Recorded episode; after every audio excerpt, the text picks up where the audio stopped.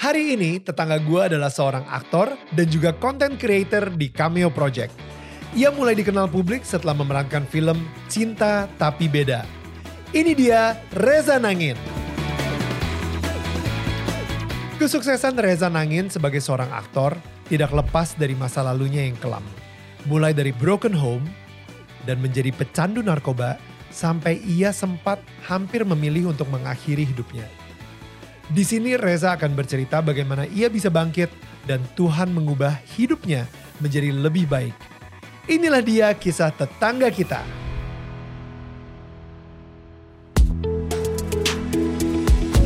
Ini gua Daniel, tetangga kamu. Di sini gua akan ngobrol dengan tetangga gua tentang perjalanan hidup mereka dari kacamata spiritual di saat mereka mengalami situasi tidak pasti dan kekhawatiran sampai bisa kembali bangkit menjadi orang yang lebih kuat dari sebelumnya. It's gonna be very exclusive and inspiring.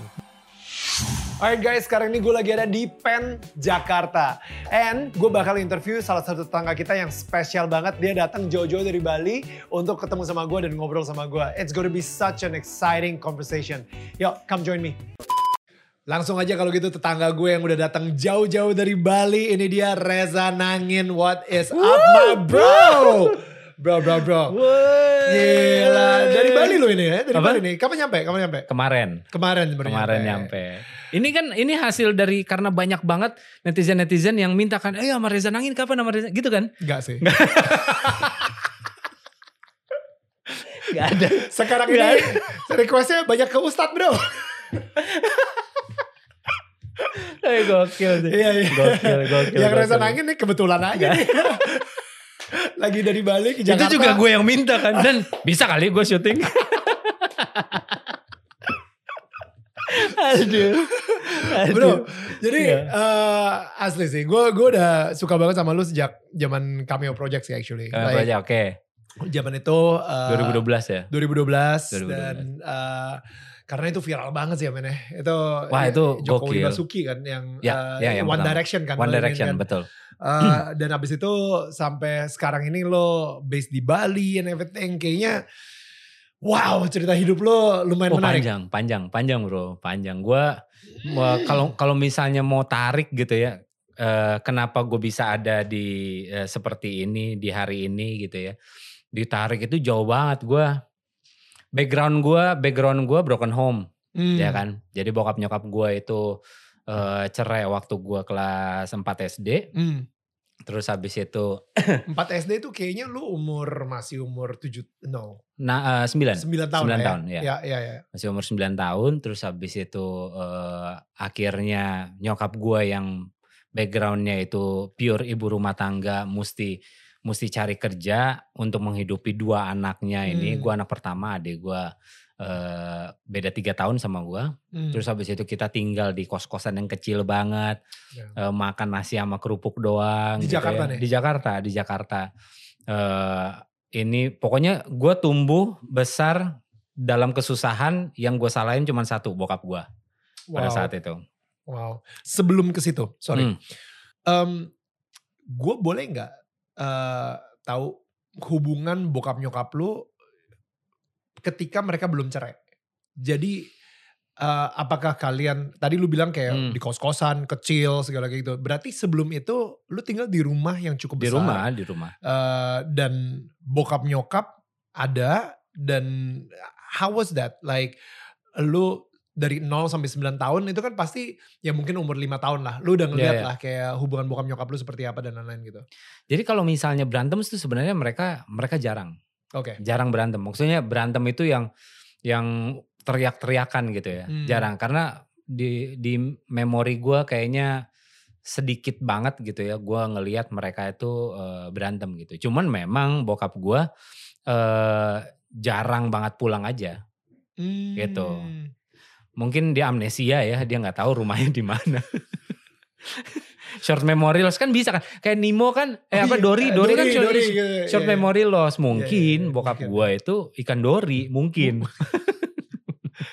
Tapi katanya kalau jam 3 mau apa jam 3 pagi gitu ya nggak Ya. pulang karena macet ya katanya. Iya, iya, macet. Iya kan gitu kan. Iya macet banget, macet. Iya. Terus itu wah itu jadi alasan yang sering. Terus kita kita tinggal uh, berarti gue tuh umur berapa ya kalau misalnya umur umur uh, gue kelas uh, umur 6 itu kan berarti uh, tahun 89. Oke. Okay. Gue lahir 83. Berarti kan Jakarta lagi rame-ramenya, Bro. Waktu itu kita di Bandung. Oh, Bandung. Bandung loh, lagi bukan rame-ramenya, Jakarta. Bro. Bandung pada saat itu jauh lebih macet daripada Jakarta. Iya. Parah. Karena sampai jam 3 pagi pun Sampai jam 3 pagi macet. macet. Makanya bokap lu gak pulang-pulang. Iya. Wow. Dia bingung, dia dia bingung. Ini ini kenapa tiba-tiba macet gitu. Sering lagi macetnya. Gitu. Jadi Makanya gak pernah pulang.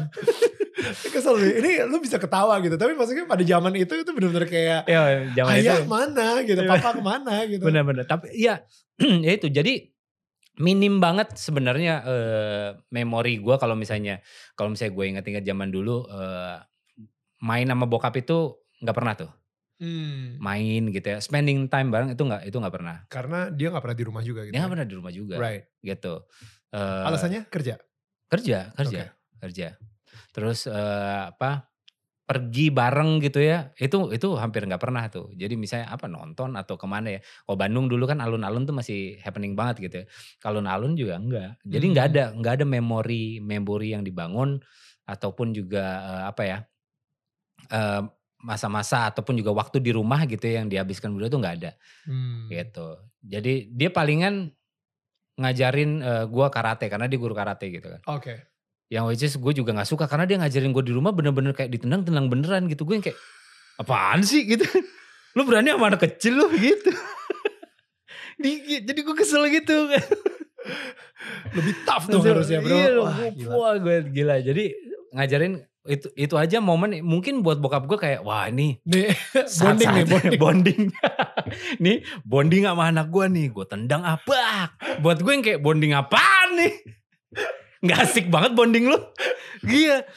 Jadi gue aduh gila ini nggak nggak pokoknya memori itu eh, minim banget lah gitu yang yang yang gue rasain. Ya udah terus habis itu Cerai lah eh, mereka. cerai lah akhirnya. Cerai terus eh, nyokap gue mesti mesti nyari duit untuk ngidupin anak-anaknya dan apa akhirnya karena nggak kuat ya di kota besar gitu kan ya Di Jakarta ya? Di Eh di Jak- Bandung. ya dari Bandung pindah ke Jakarta tuh dan di Karena- kos-kosan di Jakarta tuh ya. kos-kosan di Jakarta Sebagai ibu rumah, eh, ibu rumah tangga dan eh, susah, not a career woman gitu ya. Iya, saat iya. itu ya. Akhirnya balik ke.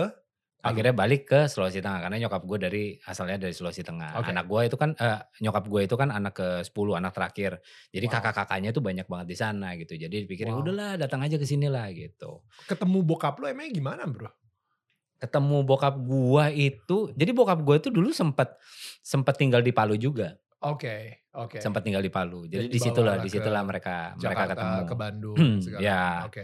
Nah, bokap gue itu eh, keterima kerja di Bank Indonesia di Hmm. Bandung, makanya mereka pindah Oke. gitu. Oke, oke, oke.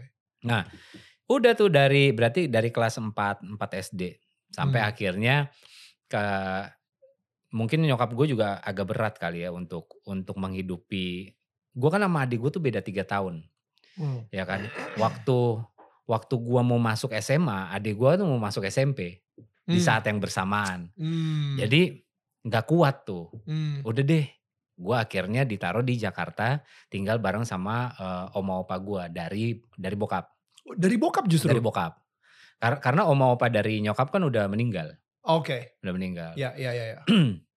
jadi eh, apa ditaruhlah di Berarti lu masih sering ketemu sama bokap lu dong ketika lu di, di bokap Jakarta? gue tetap di Bandung kan Oke. Dan Oh. dia nggak nggak jarang ketemuin lu? jarang jarang Hmm. kalaupun datang pun juga gue berusaha sebisa Ditendang- mungkin Ditendang lagi. eh, kebetulan nih. Kayaknya dia emang lagi stres aja bro. Kebetulan ada Iya. anak gue nih. Ayo kita ajak karate lagi deh. gue dia nyari bonding nih bonding nggak nggak asik bonding lo bodoh amat gue soto kau getah bening lo nih kesel banget gitu jadi Oke. ya udah jadi sebisa mungkin gue menghindar tuh kalau misalnya bokap gue datang ya gue pergi ke tempat teman gue lah atau apa Hmm. gitu nah jadi Hmm. udah tuh gue SMP di Jakarta nah di Jakarta ini nih anak SMP teenage kan Hmm. lagi mencari jati diri Hmm. tidak menemukannya di rumah karena kan Hmm. di rumah nggak ada siapa-siapa Hmm. oma opa gue kan udah terlalu tua untuk untuk Hmm. punya untuk ngurusin anak SMP gitu Ya, ya. jadi ya carinya di luar gitu Hmm. ketemulah dengan segala macam gue gue sebenarnya mulai ngerokok itu dari kelas 6 SD waktu gue dari di Palu itu tuh Hmm. ketahuan sama nyokap gue terus habis itu dibolehin Oh, nyokap lu bolehin? bolehin bolehin nih langsung gue ketahuan ketahuan kan. Mama tahu kamu suka ngambil rokok mama kan? Karena dia ngerokok. Oh, dia ngerokok dia juga. ngerokok Oke. juga. Ya udah nih ambil. Gue diem aja tuh takut gue takut gue tiba-tiba ambil terus dipatahin leher gue kan nggak lucu nih. Nggak lucu. Udah gue diem aja. Enggak ambil aja ambil ambil. Terus habis itu gue pegang. atau bukan sih? itu gitu dia. Kan. terus habis itu gue pegang aja pegang. Sampai dia nyalain korek baru gue Oh my goodness. Oke. itu itu dari kelas eh, 6 SD terus habis itu eh, 6 SD berarti oh iya berarti udah cerai ya berarti ya. Udah. Eh, Oke oke oke. Oke. terus SMP kelas 1 nih SMP kelas 1 nyokap gue juga kan suka ngebir di rumah gitu kan Hmm. dia suka banget minum terus habis itu dibilang kalau misalnya lu mau minum-minum eh, minum-minum di rumah aja gitu Hmm. ajak teman-teman ke rumah nggak apa-apa gitu Yang Asal- penting di yang penting di rumah di bawah karena atap rumah iya, gua karena Iya, dia iya. nggak mau gue minum-minum di luar terus habis itu pulang kenapa-kenapa Lu gitu. tinggal masih bertiga aja tuh sama Masih nyokap bertiga sama aja. adik. Maksudnya Masih- biarpun lu udah di Palu dan lu em, kayak udah ada sembilan saudara nyokap lu juga yang bisa ngejaga kalian, eh, tapi tetap aja masih tinggalnya di Palu gitu. ya bertiga aja gitu kita satu rumah tetap bertiga Oke. gitu ya udah jadi ya gue minum di rumah Nyokap juga nggak kerja saat itu. nyokap kerja nyokap kerja Jadi ketika nyokap kerja, di situlah lu kayak apa, eh, lu sekolah lah ya. Jadi nggak Ya. ngerasa ketinggalan juga gitu kan. benar Oke oke oke. Right. Nah. Jadi akhirnya eh, SMP kali tapi kalau misalnya SMP udah sama opa oma dan opa oma nggak terlalu bisa untuk ngejaga lu banget dan Ya. lu butuh em, kasih sayang mungkin atau Ya, mungkin ya. pengakuan atau eh, whatever ya. Maksudnya yang kayak biasanya orang mulai narkoba itu karena apa sih? Lu sendiri mulai narkoba itu karena apa sih? pergaulan perga- kalau misalnya zaman dulu ya zaman Men, dulu masa anak-anak SMP zaman dulu udah gaulnya narkoba sih? iya Anak SMP? banyak bro banyak my banget goodness. banyak banget banyak banget ya gua nggak tahu gua nggak tahu setiap orang pasti punya motivasi beda-beda gitu kan punya background beda-beda kalau gua karena supaya gua di Terima. gua bisa diterima aja Hmm. gitu gue bisa diterima di satu di satu komunitas komunitas narkoba Hmm. Gitu Hmm. gue diterima di society ya ya udah gue gue ikut make. Pada Hmm. dasarnya gue nggak begitu suka suka amat. Jadi gue kelas 1 SMP gue make putau.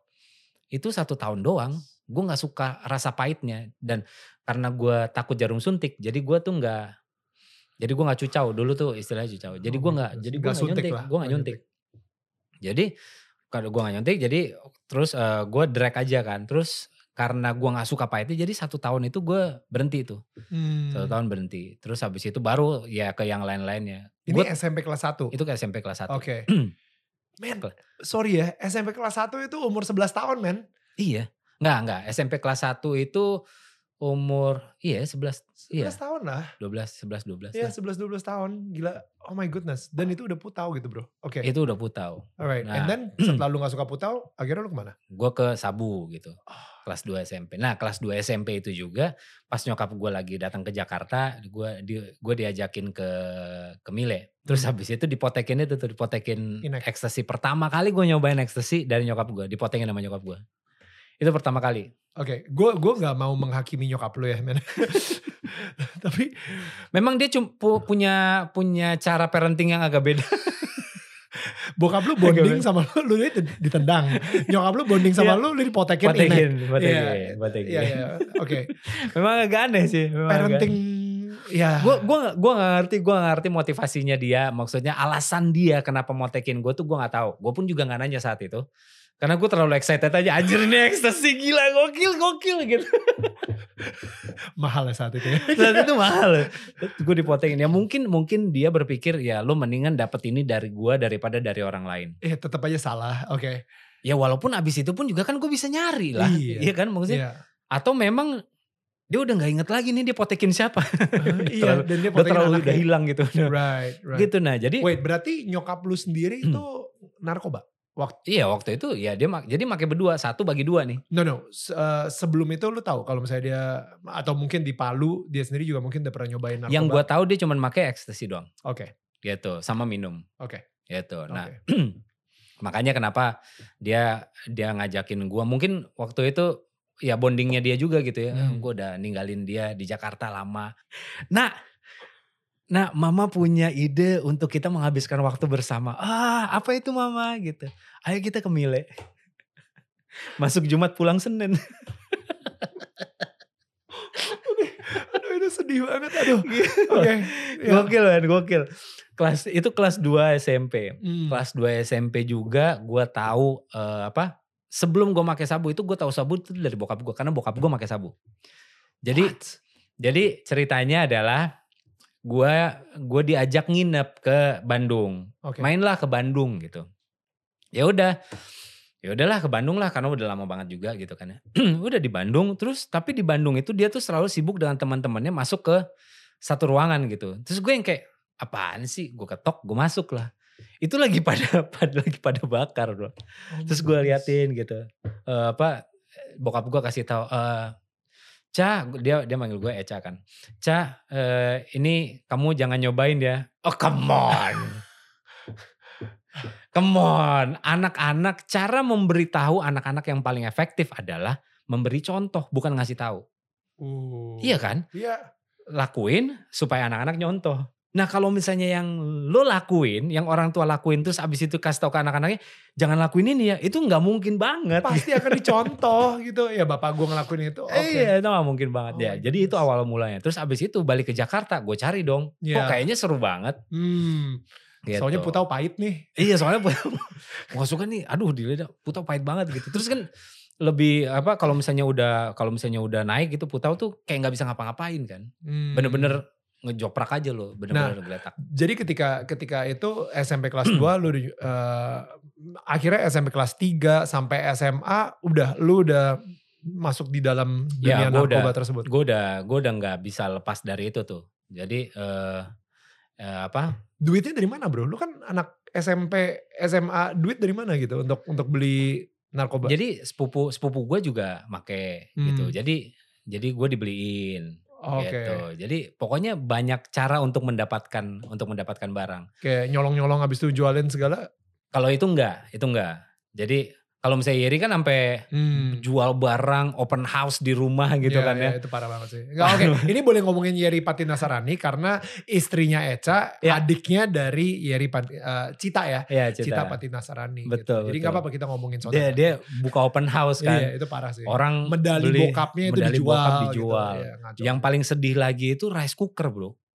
Itu baru nasinya baru jadi. Masih anget. Kalau dibuka ngebul tuh. Itu dijual. Parah banget ya. sama nasi-nasinya. Ya sama nasi-nasinya. Dijual murah lagi. Aduh, Ih, Tuhan. Iya banget asli. Iya, iya. Asli aneh banget itu. orang kalau misalnya narkoba ya udah kayak gitu. Eh, iya, make udah karena karena kebutuhan kan. Jadi waktu pakai narkoba itu udah bukan udah bukan eh, apa? Udah bukan rasa rasa pengennya itu timbul karena rasa sakit. Hmm. Karena badan sakit banget kan. Nah, Hmm. karena sakit jadi butuh itu lagi supaya nggak sakit Hmm. gitu. Bukan karena kayak, weh seru banget nih gitu. Hmm. Enggak, enggak. Sangat tidak seru. Jadi sampai kapan lu akhirnya sadar untuk lepas dari narkoba? Jadi abis itu eh, apa? Gua gue SMA lulus SMA.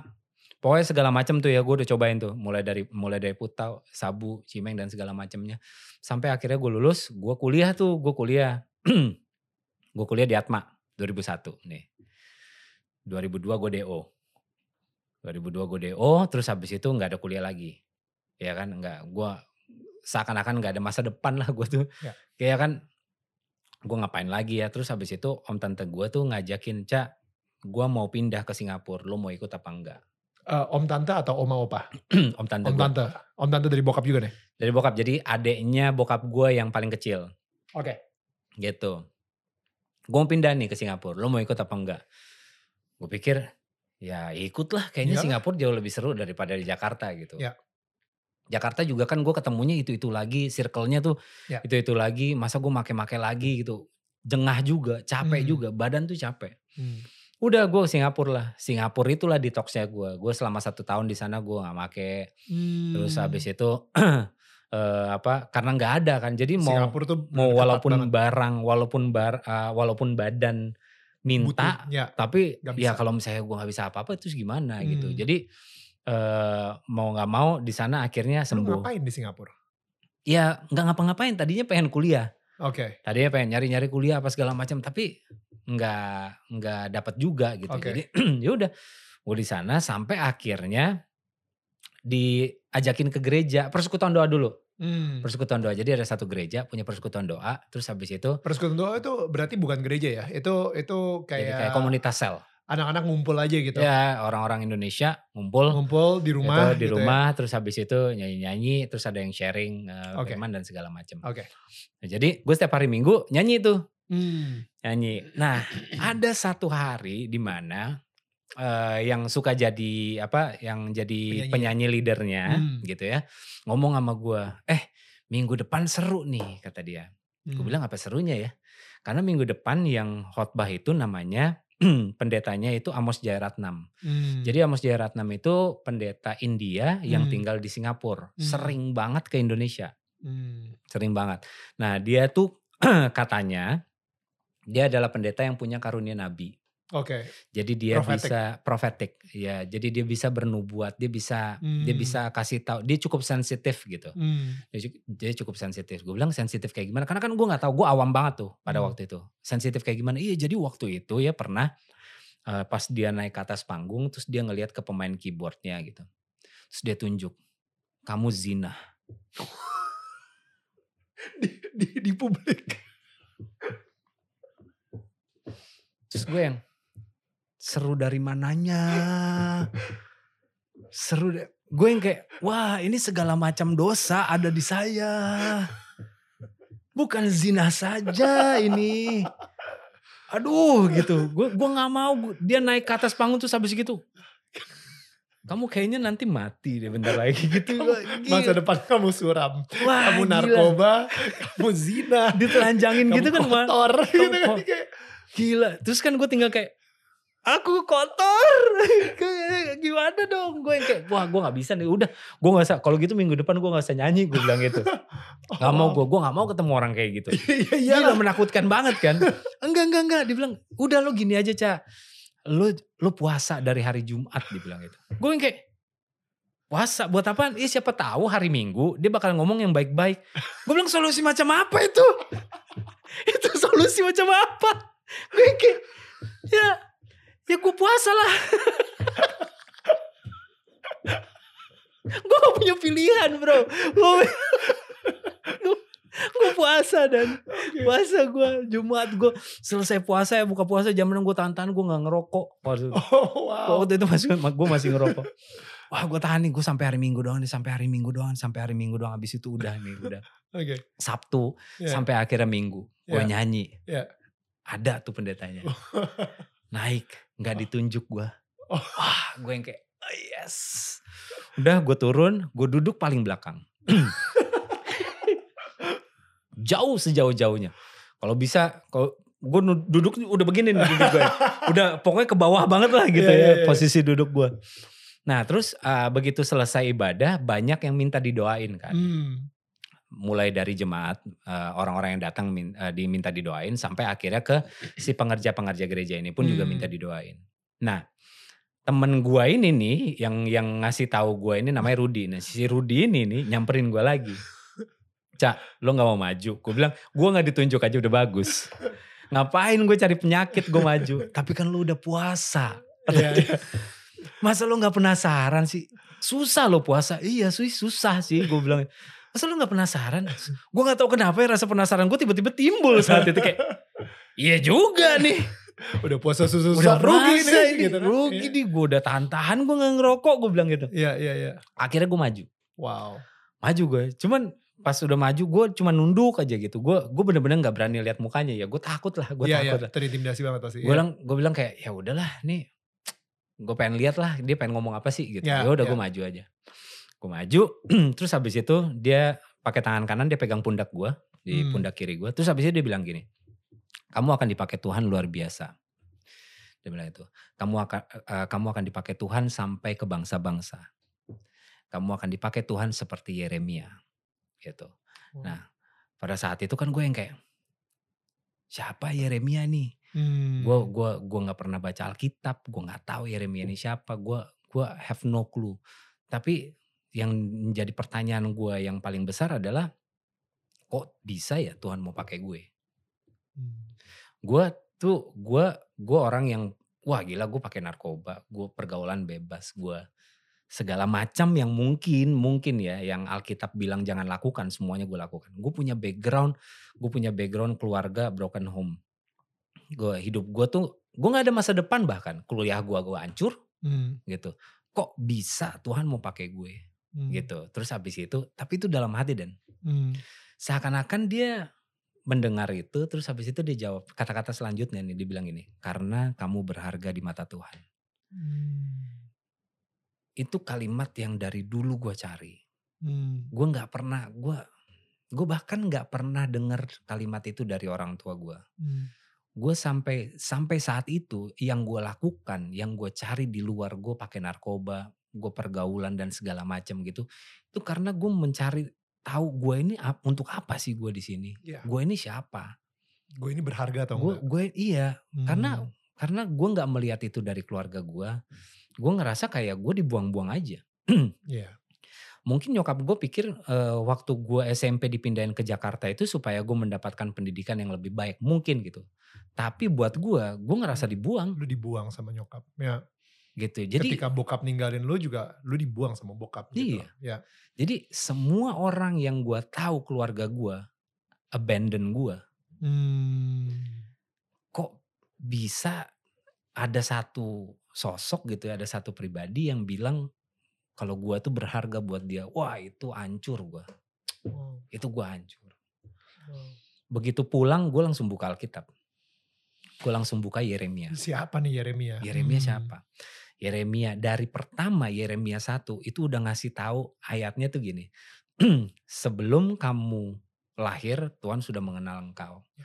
sebelum selagi engkau di dalam kandungan Tuhan udah menyiapkan semuanya Hmm. blueprintnya itu Tuhan udah tahu. Maksudnya oke Reza, sebelum Reza lahir dia udah tahu nih Reza akan begini, begini, begini, begini, begini, begini, begini. Hmm. Gitu. Di situ gue yang kayak, berarti gue nggak, berarti gue ada di dunia ini bukan bukan kebetulan. Berarti gue ada di dunia ini bukan karena kecelakaan gitu. Hmm. Jadi jadi eh, gue ada di sini itu ada maksud gitu. Gue ngerasa, gue ngerasa, ya gue jadi ngerasa berharga Hmm. gue Ya. jadi ngerasa punya arti ada di dunia ini.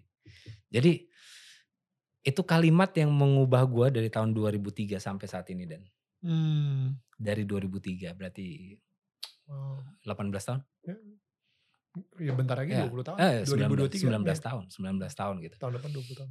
Dari saat itu gue tahu oke, kayaknya this is it gitu. Kayaknya Hmm. kayaknya gue mau berubah. Hmm. Gue udah waktunya untuk gue gua hidup bukan eh, bukan untuk gue lagi, tapi gue hidup untuk orang yang bilang bahwa gue sangat berharga untuk dia. So after lo dibilang seperti itu, lo ke rumah, lo buka si Alkitab dan itu benar-benar kena banget dan ngerubah hidup lo sampai hari ini. Ya. But what did you do afterwards? Lo masih di Singapura kan saat itu kan? Waktu itu masih di Singapura. Ah, what did you do afterwards? gue di sana akhirnya gue banyak gue lebih rutin pada waktu itu gue ikut eh, komsel komunitas persekutuan doa itu nggak kayak waktu awal-awal Right, right. di situ gue udah banyak nanya Apinya udah beda tuh. iya gue Hmm. gue pengen tahu I wanna know more kan Hmm. tentang siapa nih Tuhan ini siapa sih Hmm. kenapa kenapa Tuhan bilang gitu ke gue Hmm. gue ini siapa buat Tuhan Oke. gitu terus abis itu untuk apa gue di sini Hmm. gitu. Terus apa yang Tuhan mau untuk hidup gue kayak gitu gue banyak nanya ke pendeta gue. Jadi sampai akhirnya gue gue gue dibaptis di sana juga Hmm. gitu. Terus habis itu udah balik tuh. Balik ke Indonesia. yang pertama kali gue lakuin adalah gue daftar sekolah teologi. Lu kuliahnya apa yang DO? Eh, manajemen. Oke, dan sekarang langsung sekolah teologi. Sekolah teologi. Oh Sekolah teologi. Wow. Oke. Sekolah teologi. Itu pertama itu di situ gue ketemu sama Benny, kakaknya Yeri. Oke. Di oke. situ kita sekolah yang sama. Anak-anak Senloko di Hmm. sekolah itu juga. Wow. Iya, Nyong, Ya. terus habis itu eh, Joe sama Gilbert, Iwan, itu semua di situ. Oke, oke, oke. Gitu. Wow. Nah, jadi ya cuman itu kakak kakak tingkat kakak tingkat gue. Oke. Nah, 2004 gue masuk sekolah teologi. 2004. Lulus gue. Lulus. Wa- Wow. Oke, di DO di Lulus ini dan sekolah teologi berapa tahun, Bro? Gue 4 tahun. 4 tahun. Gila tapi ya, gue ambil diploma waktu itu. Tapi maksud gue, lu yang bener-bener someone yang yang cuman gara-gara satu kata tersebut, satu kalimat Satu ya. kalimat, betul. Satu kalimat tersebut itu benar-benar ngerubah hidup lu banget. 180 derajat bro. 180 derajat. Di Indonesia lu sama sekali nggak ada sakau-sakau untuk ny- nyobain ada. narkoba lagi. Gak ada. Gak tahu, maksud gue sekolah teologi kayaknya nggak nggak nggak ada yang nawarin juga kali. Gak ada. Iya iya. Gak ada. Gak ada. What? Karena kalau misalnya ada itu berarti Alkitabnya Alkitab beda gitu. Sekolah teologinya. Beda enggak. Gak ada bro. Jadi gue bener-bener. Gue bener-bener pengen tahu siapa yang udah. Jadi gini. gue tuh suka banget sama analogi mikrofon. Oke. Mikrofon. Untuk gua untuk gimana caranya gua tahu mikrofon ini kan kita bisa gunakan untuk apa aja. Lo mau ngulek pakai mikrofon bisa. Bisa. Ngulek Lo sambal. mau ngulek sambel, terus abis itu lo mau apa ketok paku pakai mikrofon pun juga bisa. Ya. Mikrofon bisa digunakan untuk apa saja yang lo mau, Hmm. tapi nggak maksimal, Hmm. akan cepat rusak. Hmm. Mikrofon bisa digunakan maksimal pada waktu kita tahu apa mikrofon ini digunakan untuk apa. Gimana caranya tahu? Ya gue mesti baca manual booknya atau enggak gue tanya ke yang menciptakan mikrofon. So good. ya kan? Itu yang gue, ya itu yang gue lakukan. Gue adalah si mikrofon yang gue pengen tahu nih. Gue tuh Hmm. diciptakan untuk apa sih sebenarnya? Hmm. Jadi gue baca manual booknya, Hmm. sama gue tanya ke pencipta gue, Wow. Wow. gitu. Jadi itu yang gue lakukan. Di situlah, ya di sekolah itulah gue cari tahu banyak dan gue mendapatkan banyak gitu. Maksudnya eh apa? Gue di luar dari background, wah di background background gue itu tidak menentukan siapa lo nanti, gitu. It's not about how you start. Ya. Ya gak sih? Kayak lu memulai hidup ini seperti apa, serusak apa, sehancur apa, dilahirkan oleh siapa Ya. gitu. Itu tidak menentukan masa depan lu ternyata. Betul, betul. Hmm. Nggak menentukan besok malah. Hmm. Se- Sedekat itu gitu. Nah jadi eh, apa ya di situ gue proses pencarian gue, pencari tahuan jati diri gue seperti apa, sampai akhirnya ya gue sampai sekarang ya di situ di situ juga gue ketemu sama Cita. Hmm, istri lu sekarang. ya. Terus habis itu ya kita kita pacaran dari 2005 kita pacaran, Hmm. 2011 married Hmm. sampai sekarang. Wow. Berarti sama Cita itu sebelum lu 2012 kan eh, Cameo Project dan Ya. film tersebut gitu ya. Ya, Jadi itu udah udah merit tuh ya. Ya eh, film itu udah udah statusnya. married gue. Udah Heeh. married. Oke oke. Wow, bro, that's that's amazing man. Eh, nyokap lu sendiri pada saat lu Ah, pada, pada saat dia tahu lu mau masuk ke sekolah teologi gimana tuh? Nah jadi eh gue lost contact kan tuh semenjak dari gue di Singapura itu gue bener-bener lost contact sama nyokap gue sama bokap gue. Hmm. Jadi yang gue tahu nyokap gue udah married lagi, Hmm. bokap gue pun juga udah married lagi. Di, di ketika lu lagi di Singapura. Ketika waktu gue lagi di Singapura Wow. gitu. Nah begitu gue pulang dari Singapura, gue sekolah teologi dan segala macem, gue gue tau lah bahwa nyokap gue ternyata eh, tinggal di Solo, terus habis itu dia pun juga udah udah pelayanan, udah udah terlibat, udah udah Dalam involved da- dalam Iya. sebuah gereja. Gue seneng banget gue dengernya. Hmm. Nah terus habis itu kita hubungannya jadinya lebih lebih lebih sehat lah Hmm. gitu ngobrol apa segala macam saling nguatin. Eh terus habis itu begitu gue pulang juga adik gue dalam ya beberapa bulan kemudian adik gue pun juga akhirnya dibaptis gitu. Wow. Jadi Dia gue pun juga seneng. beberapa bulan kemudian setelah lu pulang berarti ada hubungannya sama untuk Ada ada karena kita, kita, kita- kalau misalnya gue ya? jadi kan gue kan kuliah itu kan eh, sekolah teologi yang di Karawaci. Hmm. Gue nggak kos di Karawaci kan, tapi setiap kali gue ke Jakarta, gue tinggal di Cinere itu ada adik gue gitu. Jadi Oke. kita kita sharing banyak banget. Makanya dia sendiri juga akhirnya Ya. Terus habis itu eh, kita ke gereja yang di Cinere juga. Hmm. Terus eh, habis itu ya gue ngelihat dia bertumbuh sampai akhirnya dia mau dibaptis gitu. Gue senang banget. Sampai akhirnya satu hari nih, satu hari bokap gue telepon. eh enggak, eh, istrinya bokap gue telepon. Terus habis itu dia cerita sama gue kalau eh, kalau dia pengen ngajakin eh, bokap gue itu untuk masuk untuk ikut ke satu seminar namanya Pria Sejati. Gue bilang ya udah oke dong, bagus dong gue bilang. Iya tapi nggak tahu nih mudah-mudahan papa mau? Oh ya udah oke. Okay. ya udah gue gua gua uh, apa gue bilang sama istrinya bokap gue gue bilang ya udah itu bagus uh, apa oke okay, kalau misalnya itu gue dukung lah gitu gue dukung. Udah beberapa hari kemudian ya berapa minggu lah berapa minggu kemudian bokap gue telepon. Bokap gue telepon dia cerita kalau misalnya dia udah ikut itu beres jati. Terus habis itu di di sana dia dia sadar bahwa ternyata apa yang dia lakukan selama ini itu eh, apa mengecewakan gue terus dia minta maaf sama gue dia minta maaf jadi itu rekonsiliasi di situ bro jadi dia minta maaf sama gue, terus gue pun juga minta maaf sama dia, gue pun berapa? juga maafin dia. Itu 2005 atau 2006. Oke. Okay. Di situ sampai akhirnya eh apa? Udah tuh baikan tuh kita.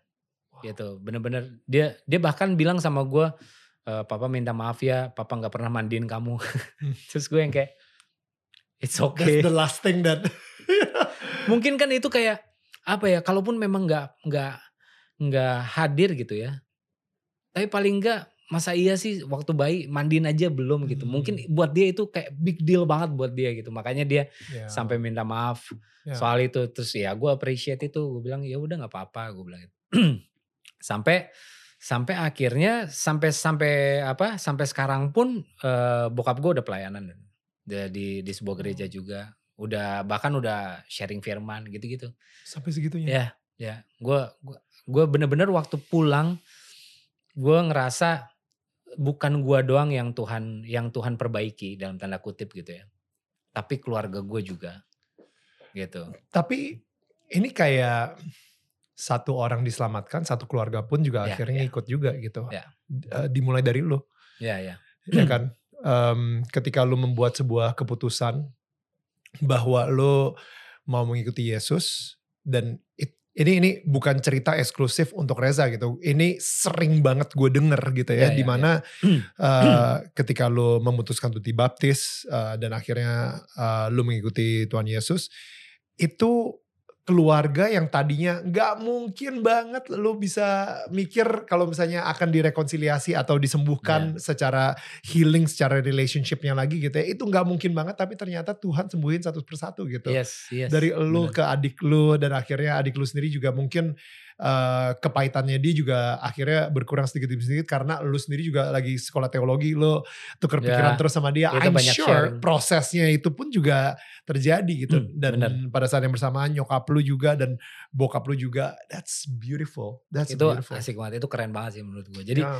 gue jadi uh, apa gue tuh bener-bener ngerasain bahwa bahwa Tuhan lagi bikin sesuatu atas apa di dalam hidup gue gitu. Hmm. Gitu. Gue gue nggak berpikir bahwa oh karena gue terus habis itu keluar. Enggak itu keputusannya Tuhan itu bukan gue ya. Gitu memang Tuhan mau aja gitu. Ya. He can do a lot of things gitu ya, kan. Itu ya. bukan bukan karena gue gitu. Ya memang kebetulan yang pulang yang share kita sharing gue cuma sharing apa yang gue dapetin aja hmm. gitu. Apa yang gue rasain ke adik gue ke nyokap gue ke bokap gue dan wow. itu ya itu uh, Tuhan pulihin satu-satu gitu. Lu abis sekolah teologi abis itu kayaknya arah lu udah ke arah pastor, pendeta gitu. gue pun juga berpikir gitu. Iya. Yeah. Asli gue pun juga berpikir, gue gue tuh berpikir bahwa kayaknya emang gue kayaknya bakalan ada di ada di, gereja. di sebuah gereja. Iya. Terus habis itu gue ikut membangun gereja itu. Menjadi penyanyinya ya, gitu kan. kan sering nyanyi bangun worship mungkin, juga. Mungkin mungkin uh, bantu di youthnya atau jadi youth pastor atau apa segala macam. Right. Gue pun juga tadinya berpikir kayak gitu. Right. Nah, casting itu iseng-iseng karena diajakin diajakin kan. Ya udahlah ikut ikut casting ikut casting. Tapi kok banyak gitu. Terus abis itu ditolak tolakin gitu. Berarti kayaknya pas lagi ditolak tolakin abis itu dibilang jelek loh. Udah udah tuh gue bener. Bahkan gue gue bahkan gue casting di satu tempat di mana yang punya PH itu yang punya itu temen gue Tem temen gue empat kali gue ditolak sama dia. Dia tuh sampai minta cast gue minta gue casting keempat kali tuh sampai eh lo masih mau nggak? Gue yang kayak lo udah punya hasil casting gue tiga. Buat apa lagi sih? Gue juga punya hati. Gue punya perasaan. Iya gue pelayanan tapi kan gue juga manusia. Iya gue sekolah teologi iya. tapi kesabaran ada batasnya. Iya tapi gue kan bukan malaikat. Gue juga bisa sedih. Gue bisa kecewa Jadi yaudah akhirnya gue tetap ikut casting dan ditolak juga memang ya memang Oh waktu orang bilang ya belum rezeki ya itu belum belum rezeki bener gitu. God. Iya, iya, iya. iya. Sampai akhirnya udah deh gue nggak mau casting lagi memang enggak gitu. Mungkin kayaknya gue bukan di situ. Udah pendeta aja deh. Udahlah gue di sini aja gue di Gereja gue nyanyi apa segala macam. Gue kayak pun juga nyaman. dari Tuhan banget. gitu. Iya betul. Ya Dan kan? gue pun juga nyaman gue melakukannya gitu. Oke. Terus habis itu sampai akhirnya satu hari udah nongkrong-nongkrong di tempatnya Mas Anung. Ya udah, gue nongkrong terus habis itu ditembak casting. Udah ya ikut casting deh gitu. Hmm. Nah casting nih. Jadi gue casting ada saat jadi gue eh, castingnya itu untuk satu pemeran namanya pemuda gereja. Gue yang kayak gue banget nih. Pas, Sampai gue nggak diterima, gue keluar dari gereja gue. Berarti gue bukan pemuda gereja.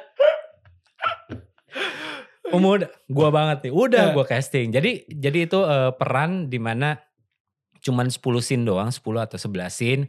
Jadi ini adalah satu pemuda gereja yang dijodohin un- dijodohin ke pemeran utama ceweknya Hmm. gitu. Oh pemeran utama ceweknya adalah Agni. eh, Agni dan dia di situ memainkan sebagai seorang Katolik. Katolik. Iya, jadi, karena iya. karena kan dia pacaran beda agama. Mamanya pengen jodohin sama pemuda, Pemuda gereja. gereja. Nah, gua nih Pemuda gereja aja itu gak ada namanya sebenarnya. Eh, pem- pemuda gereja. Iya. kalau misalnya rame-rame pemuda gereja satu, Pemuda gereja dua. Iya, iya, iya. Oke, oke. di situ. Terus habis itu udah, ya udah gue casting situ. Ya, gue ngelihat hasil castingnya sih jelek menurut gue. Right. Habis itu udah, ya ntar dikabarin ya, udah dikabarin dua hari, tiga hari. Terus habis itu ditelepon gue, bisa nggak main lagi ke sini? Kita pengen ngobrol. Kayaknya lu dapet nih perannya gitu. Pemuda gereja. Udah gereja. Iya. Persis abis gereja tuh gue gue lagi makan sama anak-anak terus habis itu sama teman-teman terus habis itu gue bilang gila. Gua bakalan ada di filmnya Hanung Bramantio jadi pemuda gereja. Gua gila, Legit bro. legit banget, legit banget. Udah gue datang ke sana, terus habis itu dikasih tahu, eh Zah bisa nggak kalau misalnya kamu itu nyiapin waktu satu bulan lah gitu ya untuk Hmm. syuting. Terus habis itu bakalan ada workshop-workshopnya juga. Hmm. Terus gue yang kayak satu bulan lama banget bukannya cuman 10 scene ya. Kenapa mesti satu bulan? Ya. Terus kata kata orang castingnya iya karena Mas Anung pas ngelihat hasil casting lo, dia pindah lo ke pemer- pemeran utama. Terus gue yang kayak, terus emang pemuda gereja kenapa? gue kayak, gue di situ kan langsung beban ya karena gue nggak pernah acting sama sekali, gue nggak Hmm. tahu syuting itu seperti apa. Hmm. Terus habis itu gue jadi pemeran utama, gue yang kayak, ini kayak terlalu terlalu besar. Enggak enggak, pemuda, gue pemuda gereja aja gue bilang. 10 scene gak beban gue bilang. Ya. Enggak, enggak, enggak, enggak. Pemuda eh, pemuda gerejanya Mas Anung maunya yang lain. Mas Anung keluar tuh, jebret. Eh, Ya. Zah, oke. Jadi aku udah lihat ya. Bagus-bagus hasil casting kamu. Terus gue yang udah mati. Jelek. Pemuda gereja aja mas. Jelek itu. ya, aku aku eh, apa aku eh, mau kamu jadi pemeran utamanya. Jadi Cahyo namanya. Karena pemuda gereja itu dia tuh mesti ganteng, tinggi. Terus gue yang kayak tunggu tunggu tunggu tunggu tunggu. Aku tuh mixed feelings nih mas nih. Ini pujian atau bukan? Aku mesti Ganteng dan tinggi. bersyukur Iya, iya, iya, atau iya, iya. enggak? Itu gimana nih? Iya. Maksudnya dipindah jadi pemeran utama karena enggak ganteng atau atau, atau bagaimana sih? Ya jadi jadi jadi gue bingung gitu.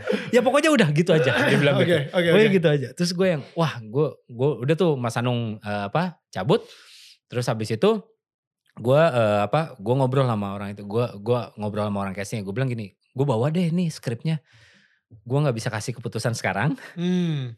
Jadi gue bawa dulu eh, apa? Gue bawa dulu skripnya. Gue ntar gue kabarin deh. Jadi itu hari hari Senin. Gokil. Ini Hanung Bramantio men. Lu suruh, lu gantung Hanung Bramantio nih. gue bilang gue kabar Jumat ya gue kabarin. Gue bilang gitu. Akhirnya Jumat lu kabarin. Akhirnya akhirnya gue pulang deh tuh. Oke. Gue pulang, gue pulang, gue bawa gue bawa skripnya. Tapi tuh skrip gue nggak sentuh sama sekali. Karena memang gue bermaksud untuk menolaknya di hari Jumat. Oh wow. Gue memang udah mau nolak dan gue Oke. gue nggak akan ambil. Gue bilang gue nggak akan ambil. Kekeh gue dengan pemuda gereja gue itu. Maksud gue kalau misalnya gue di castingnya itu ya udah itu aja dong jangan diganti-ganti gitu. Oke. Nah wow. gue gue beban kan be- beban banget gue banyak banget yang mesti mesti gue pelajarin yang gue nggak tahu sama sekali kalau Soalnya Cahyo ini eh, karakternya adalah seorang Ka- Islam. karakternya uh, is- Muslim. Muslim. terus habis itu dia chef gue nggak bisa masak sama sekali Wow. gue nggak pernah acting sebelumnya gue mesti belajar actingnya Right. gue sebagai orang Jogja yang gue nggak bisa bahasa Jawa sama sekali sama sekali gue nggak bisa bahasa Logat Jawa lo harus logat. logatnya Jawa, dan dia ya. maunya tuh bukan logat-logat FTV gitu yang Jawanya Ya. yang dimedok-medokin jadi bener-bener yang memang dia lahir besar di Jogja. Jogja, Wow. jadi yang bener-bener ya udah gitu bener-bener medoknya ya medok natural gitu wow. gue bilang kayak ini terlalu banyak yang mesti gue pelajarin gitu Hmm. dalam dalam satu dalam satu, Satu, kurun waktu ya. yang cukup pendek gitu kan jadi Sebulan. ya eh, enggak dua minggu Oh gokil. dua minggu sebelum syuting gue bilang gue nggak gue nggak mungkin mempelajari ini semua nah jadi kayaknya gue bakalan tolak Ya. begitu sampai rumah gue ngobrol sama istri gue Hmm. Ya nih begini begini begini begini begini gitu Hmm. oh ya bagus dong tapi kayaknya enggak apa aku nggak pengen ambil loh kenapa gitu jadi istri gue sama kakak rohani gue ngomong hal yang sama dia bilang kalau misalnya kamu tiba-tiba besok disuruh nyanyi di satu tempat tanpa persiapan mungkin kamu bakalan pede-pede aja gitu Iya. bakalan ya ya karena itu yang biasa kita yang biasa kamu lakuin hampir setiap hari gitu kan Betul. Comfort zone. comfort zone. nah, ini Tuhan Tuhan sendiri yang bawa kamu masuk ke dalam dunia ini. Karena kan kamu lihat sendiri, katanya hasil hasil castingnya jelek. Iya. Ya. Berarti Hasil bukan pakai kekuatan lo. Exactly. Hmm. Gua diterima bukan karena hasil casting gua dan Ya. Wow. orang jel, gua nggak punya basic acting tidak ada. Hmm. Gua lihat sendiri ini mah ya ampun. Ya gitu. Iya. Tapi standar tuh sama Hanum Bramantio beda. Mungkin ya. Beda dong pasti, nggak mungkin sama standar gue sama Mas, Mas Hanung. Betul. Iya kan? Dia bisa melihat apa yang, uh gue tidak bisa lihat sama sekali mungkin. Lu, lu berharga di mata Mas Hanung soalnya bro. iya, Iya. karena gue murah. Enggak, enggak. Iya. iya. Maksud gue, maksud gue dia dia mungkin bisa ngelihat. Nah, gua gua eh, apa? Gua ngelihat gua ngelihat ini kayak iya juga ya. Hmm. Kita sama-sama percaya aja bahwa lu keterima ya karena memang Tuhan mau lu ada di dalam sini. That's it. Wow. Wow. Dan waktu ini dan waktu lu tahu ini berarti kan lu akan melakukan ini dengan dengan apa? Dengan punya pemikiran bahwa gua nggak bisa nih tanpa Tuhan. wow. Gue butuh Tuhan nih untuk ngelakuin acting dan segala macamnya ini. Wow. Jadi kan paradigmanya berubah, state of Hmm. mindnya berubah gitu loh. Cara lo melakukan, cara lo acting, cara lo syuting pun juga berubah. Setiap hari ketika lu lagi di lokasi set, ya lu mulai dengan doa karena lu Yes. benar-benar ngerasa, men gue gak akan bisa ngelakuin ini tanpa Tuhan gitu. Bener, gue butuh bantuan setiap hari. Selama syuting hampir satu bulan, gue bilang kayak Hmm. gue butuh bantuan, gue butuh bantuan. Wow. Gitu. Jadi gue yang kayak, oke kalau gitu. Ya udah karena memang Tuhan, ya mungkin memang Tuhan mau gue masuk ke dalam ini gitu, Ya. untuk gue ngejalanin fase yang baru. Ya. Ya udah, gue akhirnya setelah itu syuting selesai.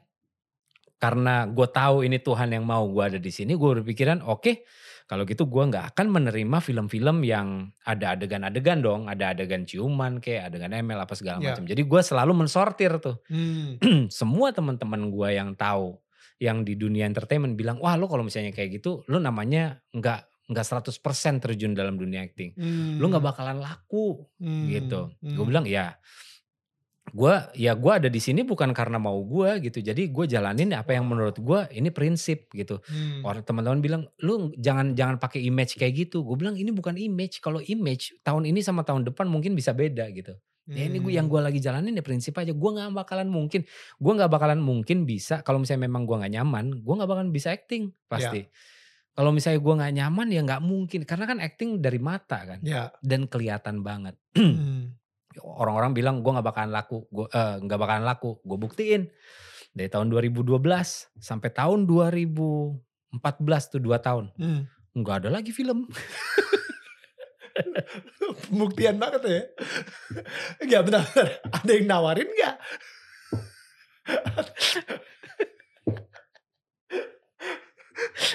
Enggak, soalnya Ya, ada. gue Ada, ada. ada yang nawarin. Enggak, Ada soalnya gini. Kalau gue, lu tau dong, gue main di film pemain Call Ahok Ya, tahun 2018. tahu. Sampai hari ini belum ada yang nawarin lagi. Padahal lu bagus loh. Padahal, makanya gue panggil lo kok. Iya loh loh. Standar lu kayaknya sama standar PH-PH beda soalnya bro. Menurut lu bagus. Ada, ada yang tawarin. Sampai ada satu, ada satu film dia Hmm. nawarin. eh kan gue setiap Ada setiap adegan kali ada- ciuman. gue bilang gitu, eh gue nggak mau nih kalau misalnya ada adegan ML sama adegan ciuman. Hmm. Nggak ada cah, aman. Oke, gue minta skripnya dulu. Gue Hmm. baca tuh skripnya Hmm. dari awal sampai akhir. Nggak ada adegan ciuman, nggak ada. ML pun juga nggak ada. Hmm. Ada satu adegan Hmm. di mana gue jadi gue eh, gue kerja kantoran gitu. Hmm. Gue masuk di pen, ke pantry. Hmm. Anaknya si bos cewek suka sama gue. Hmm. Dia juga masuk ke pantry. Hmm. Dia tutup pintunya, jeglek, agak banting gitu, terus dikunci, jebret. Gua lagi minum, kaget, wah Hmm. minum gua tumpah. Hmm. Terus dia jilat tuh minum gua dari leher gini, set ke atas. Gue yang kayak, ini lebih parah daripada ML bro. Ini lebih parah daripada ciuman. kata, kata orang casing, ntar bisa di kok. Lu mau cheatnya kayak bagaimana? Pakai lidah buaya lo taruh di, leher gue. Lu mau nge-cheat gimana? Gim- gim- Kasih tahu gue coba teknisnya. Lu mau nge-cheatnya kayak bagaimana? gue bilang kayak nggak bisa. Gak bisa. Akhirnya lu tolak gitu ya. Iya iya iya. Ya. Gak bisa. Ya udah akhirnya gue tolak. Dan ya udah itu, abis itu nggak ada lagi. Oke. Ada lagi. Tapi masih ada dong cameo project tuh. Kami project ya masih Iya, jalan, jalan. masih jalan, masih jalan. Cuman ya memang memang apa eh, kehidupan setelah merit kan tanggung jawab bebannya kan beda kan. Jadi eh, apa struggle lah gitu untuk untuk mencari sesuap nasi itu itu struggle. What a story. Guys, thank you for listening to this podcast. Tapi tenang, ini baru part pertama. Masih ada part selanjutnya. So, biar kalian gak ketinggalan, yuk di follow dulu. Ingat ya, Daniel tetangga kamu.